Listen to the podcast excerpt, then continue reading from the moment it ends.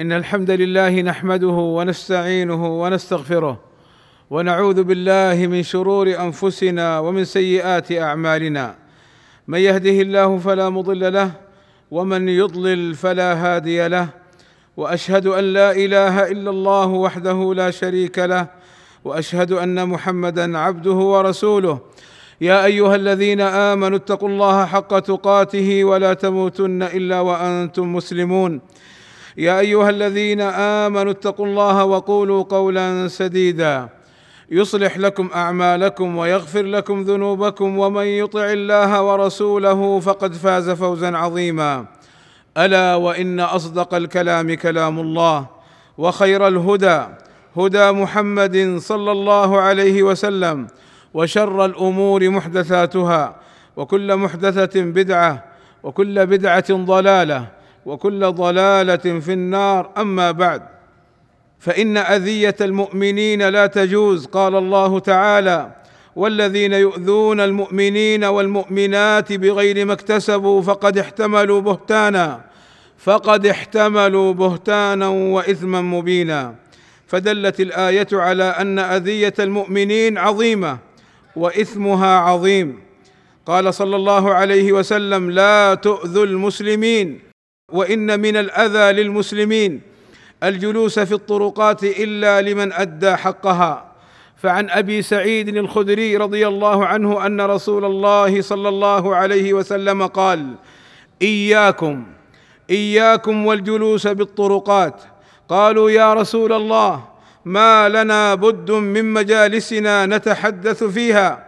فقال صلى الله عليه وسلم إن أبيتم فأعطوا الطريق حقه. قالوا وما حق الطريق يا رسول الله؟ فقال صلى الله عليه وسلم غض البصر وكف الأذى ورد السلام والأمر بالمعروف والنهي عن المنكر.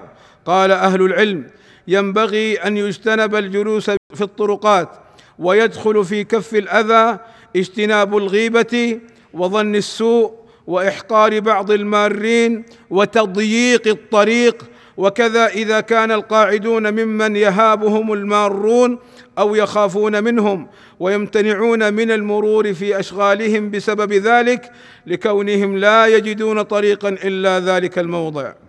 وإن مما يحصل من الأذى في الطرقات رفع الصوت وإزعاج المسلمين. والله تعالى يقول واقصد في مشيك واغضض من صوتك إن أنكر الأصوات لصوت الحمير. أي لا ترفع صوتك تادبا فلا تبالغ في الكلام ولا ترفع صوتك فيما لا فائدة فيه.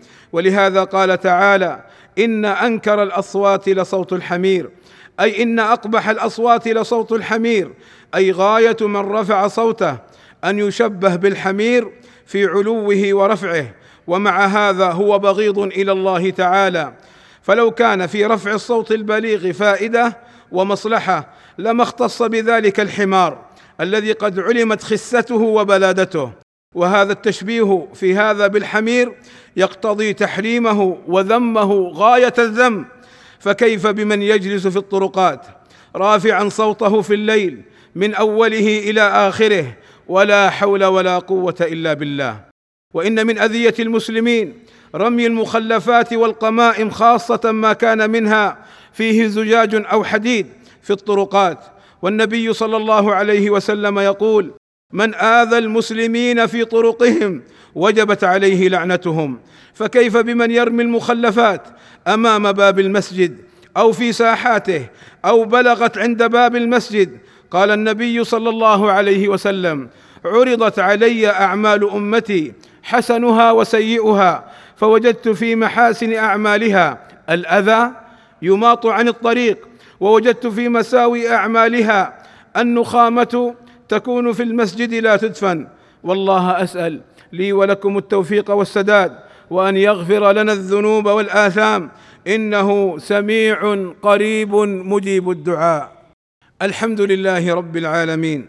والصلاة والسلام على المبعوث رحمة للعالمين وعلى آله وصحبه أجمعين. عباد الله وإن من أذية المؤمنين في الطرقات إصدار الأصوات المزعجة بالسيارة بلا ضرورة بل لمجرد اللعب واللهو. وكذا من أذية المؤمنين السرعة الشديدة بالسيارة في الطرقات حتى يعرض نفسه وغيره للقتل. ويخشى على من أسرع بالسيارة سرعة تؤدي للموت أن يدخل في من قتل نفسه. وقد جاء الوعيد الشديد في ذلك.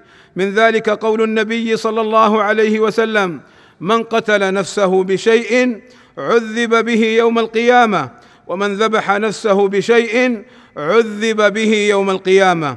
والسرعة قد تؤدي لقتل الناس. والنبي صلى الله عليه وسلم يقول لن يزال المؤمن في فسحة من دينه ما لم يصب دما حراما ويقول صلى الله عليه وسلم قتل المؤمن أعظم عند الله من زوال الدنيا عباد الله إن الله وملائكته يصلون على النبي. يا أيها الذين آمنوا صلوا عليه وسلموا تسليما.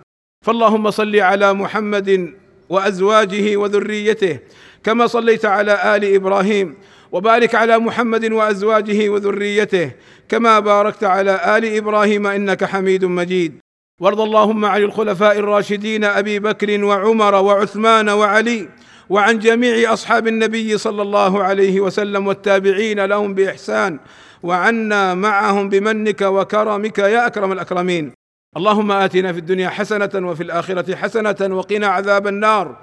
اللهم فرج همومنا واكشف كروبنا ويسر أمورنا اللهم اغفر للمسلمين والمسلمات والمؤمنين والمؤمنات الأحياء منهم والأموات. اللهم وفق ولي أمرنا. الملك سلمان بن عبد العزيز وولي عهده الأمير محمد بن سلمان لما تحبه وترضاه. وأصلح بهما البلاد والعباد واحفظهما من كل سوء. اللهم أيدهما بتأييدك ووفقهما بتوفيقك وأعز بهما الإسلام والمسلمين. والصلاة والسلام على المبعوث رحمة للعالمين وعلى آله وصحبه أجمعين.